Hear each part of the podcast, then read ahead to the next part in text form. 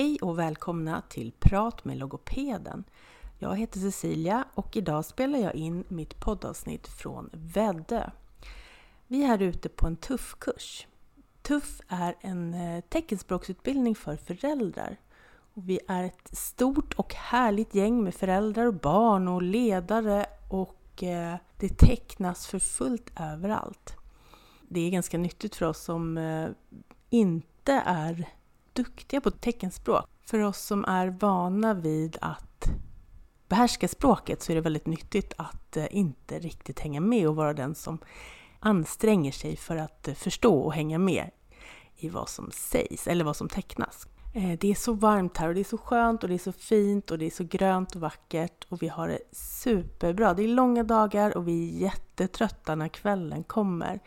Men kul är det. Jag, jag skulle verkligen vilja att fler fick chansen att eh, gå en sån här utbildning. Det är väldigt, väldigt roligt. Vi föräldrar som är här och går utbildningen, vi har barn som har olika svårigheter som gör att de har behov av teckenspråk. Det finns döva barn och barn med hörselnedsättning förstås.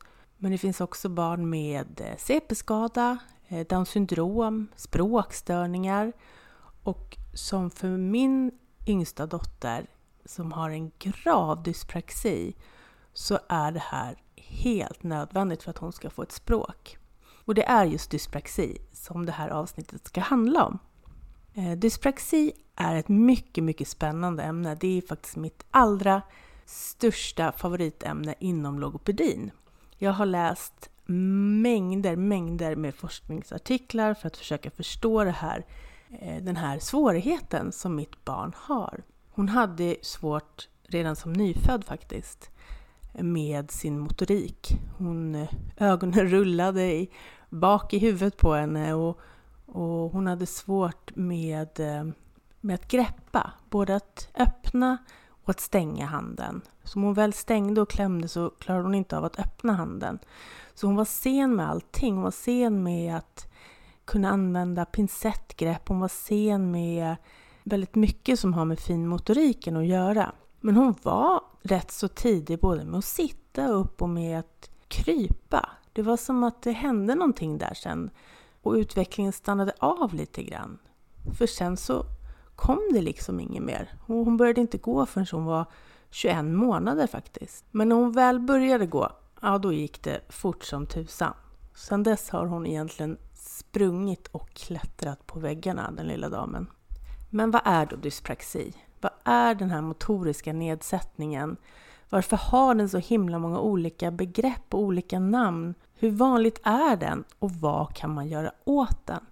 Det tänker jag prata om. Men eftersom det finns så mycket att säga om det här så har jag valt att dela upp det här programmet i två olika avsnitt.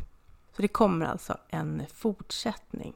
Praxis, det är vår förmåga att kunna planera och utföra motoriska rörelser. Det är en eh, neuro, eh, neurologisk process eh, där våra nervceller skickar information till musklerna som sedan utför den här rörelsen. Eh, när vi upprepar de här målinriktade rörelserna så stärker vi kopplingen mellan nervceller och rörelserna blir efter tiden mer och mer effektiva. Praxis innebär också användandet av redan inlärda eh, motoriska rörelser som, som att gå och hoppa klappa och att vinka. Det innebär en uppfattning om den egna kroppen i förhållande till omvärlden.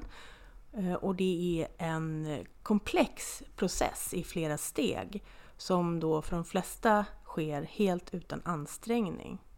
Dyspraxi innebär alltså en nedsättning i den här förmågan. Signalerna som skickas från hjärnan till musklerna, de, de virrar bort sig helt enkelt och det, det blir ett virvar och det är det som blir fel. Och inblandat i det här är våran eh, sensorik, den sensoriska processen. Eh, vi upplever världen genom våra sinnen. Den sensoriska processen, det är våran tolkning av de här intrycken som vi ständigt får från omvärlden.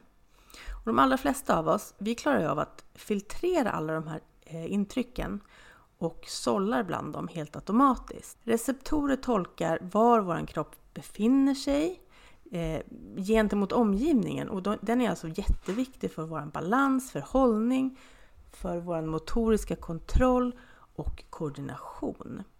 Svårigheter att processa stimuli innebär att nervsystemet inte på ett tillfredsställande sätt klarar av att tolka och integrera de signaler som kroppen får. Det här kan då visa sig på olika sätt. Man kan både vara underkänslig och eller överkänslig. Underkänslighet kan ge hög smärttröskel. Eh, det kan visa sig genom att eh, man är omedveten om att man behöver gå på toaletten. Eh, det kan också vara svårt till exempel hur hårt man ska hålla en penna när man skriver eller ritar. Överkänsligheten den kan visa sig genom känslighet för vissa klädesplagg. Eh, det kan göra ont om man duschar och tvättar håret. Ehm, det kan också vara stort obehag vid ljud eller av lukter. Så dyspraxi är inte en svaghet i musklerna. Musklerna i sig är inte alls påverkade. Det är alltså signalerna eh, från hjärnan, eh, eller till hjärnan, som, som inte gör riktigt det jobb de ska göra. Så det dyspraxin gör, det är att det påverkar förmågan till koordinerade rörelser. Och I logopediska sammanhang så pratar vi om oral dyspraxi och verbal dyspraxi. Men jag kommer även prata om motorisk dyspraxi eftersom jag inte tycker att vi ska göra någon skillnad på var dyspraxin sitter eftersom det så ofta hänger ihop med varandra. Den orala dyspraxin det innebär ju att munmotoriken är involverad. Eh, att att ha svårt med, med att styra motoriken kan ju ge stora besvär när man ska dricka, när man ska tugga och äta. Och, eh, ofta så är det, alltså det är vanligt att barn dreglar. För spädbarn kan det vara svårt att amma. Den verbala dyspraxin, den är ju, då är det specifikt talproduktionen som är påverkad. Så det är specifikt den eh, motoriken som styr talet. Tidiga tecken är uteblivet joller, sen talutveckling, talet blir svårförståeligt och det som är skillnaden mellan verbal dyspraxi och till exempel en fonologisk språkstörning. Ett typiskt kännetecken är ju att vi vid verbal dyspraxi så blir uttalsfelen inkonsekventa. Det vill säga, de låter olika från gång till gång. Och det är inte bara uttalsfel, utan talet kan också låta annorlunda. Prosodin och, och alltså språkmelodin och, och eh, intonationen eh, kan också avvika. Den motoriska dyspraxin, den som sitter i hela kroppen, eh, den kan påverka både fin och grovmotoriken. Och det här kännetecknas av eh, klumpighet, svårt att lära sig cykla, svårt att lära sig simma. Eh, det är jobbigt att skriva för hand. Och det är nu det alla de här begreppen kommer in. Därför att motorisk dyspraxi är inte en diagnos. I USA och i England användes tidigare Clumsy Child Syndrome som var mer en förklarande term för hur problemen såg ut eller visade sig. Eh, men den diagnosen som, eh, som finns och som en del får, det är DCD. Eh, på svenska är det motorisk koordinationsstörning. I ICD kallas det här för specifik motorisk utvecklingsstörning. Dyspraxi eller DCD är vanligt. Det förekommer, det finns lite olika siffror, men mellan 2 och 10 procent av alla barn. Och eh, det är vanligt att det förekommer ihop med andra specifika utvecklingsavvikelser.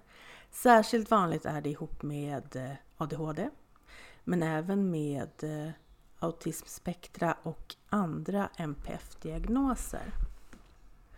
Och för min lilla skrytta så påverkar det här hela henne. Hon har ju haft svårt med precis allt som har med motorik att göra. Och hon har ju haft i stort sett inget tal fram tills nu. Och nu har hon några ord och hon har ljud. Och mer kommer, men det tar tid. Vi insåg tidigt att vi inte skulle komma som... Det skulle liksom inte hjälpa att börja träna talet för, för det gick helt enkelt inte. Utan vi har fått börja all, liksom allra från, från grunden med grovmot, ja, träning av grovmotoriken och sen av finmotoriken. Och det är egentligen först nu som vi har kommit till att kunna träna på talet specifikt.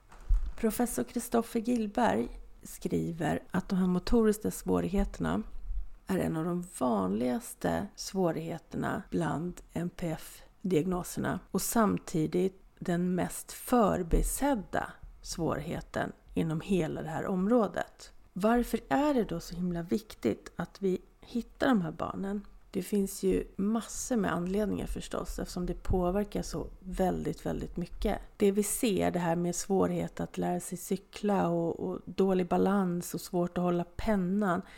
Det är ju bara en liten, liten del av alla de svårigheter som de här barnen och också senare vuxna upplever. För det finns ju andra svårigheter som kommer med dyspraxin. Det är eh, svårigheter att eh, skapa struktur för sig själv, att, svårighet med koncentrationen och att eh, orka lyssna och, och svårt med instruktioner och att det tar tid.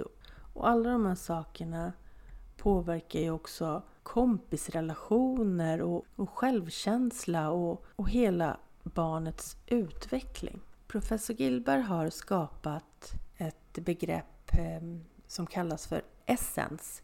Det är en akronym eh, som står för ehm, tidiga symptom vid eh, neuropsykiatriska tecken, alltså NPF-diagnoser. Eh, Det han tänker med den här paraply, eh, eh, paraplytermen, det är att samla de här begreppen och de olika diagnoserna för ADHD och autism och språkstörning och dyspraxi. Eftersom de har så stor komorbiditet och symptom som överlappar varandra och som delar gener och miljöriskfaktorer så är det då en vinst för eh, de här barnen att istället för att titta på specifika diagnoser särskilt särskilt tidigt där man, liksom, där man har svårt att kanske sätta rätta diagnosen, att man istället skulle, skulle se att utredning och behandling bör utgå från hela det här tänket och att fokus ska vara barnets svårighet istället för en specifik diagnos. Särskilt då i ett skede där det är svårt att eh, fastställa en exakt diagnos. På det här sättet blir då vården Eh, individuellt utformad och bättre anpassad efter varje barns behov. För det finns ju mycket vi kan göra. Det finns träning och det finns hjälp. AKK som till exempel tecken som stöd och teckenspråk, det är bara en av de sakerna man kan hjälpa barnet med. Men nu ska jag gå ut och njuta av sommaren här tillsammans med mina fina barn. Och därför får jag gå vidare och närmare in på träning, svårigheter och be ja, behandling och träning näst, i nästa avsnitt. Det här blir ju tokigt. Jag tackar för mig den här gången. Hej!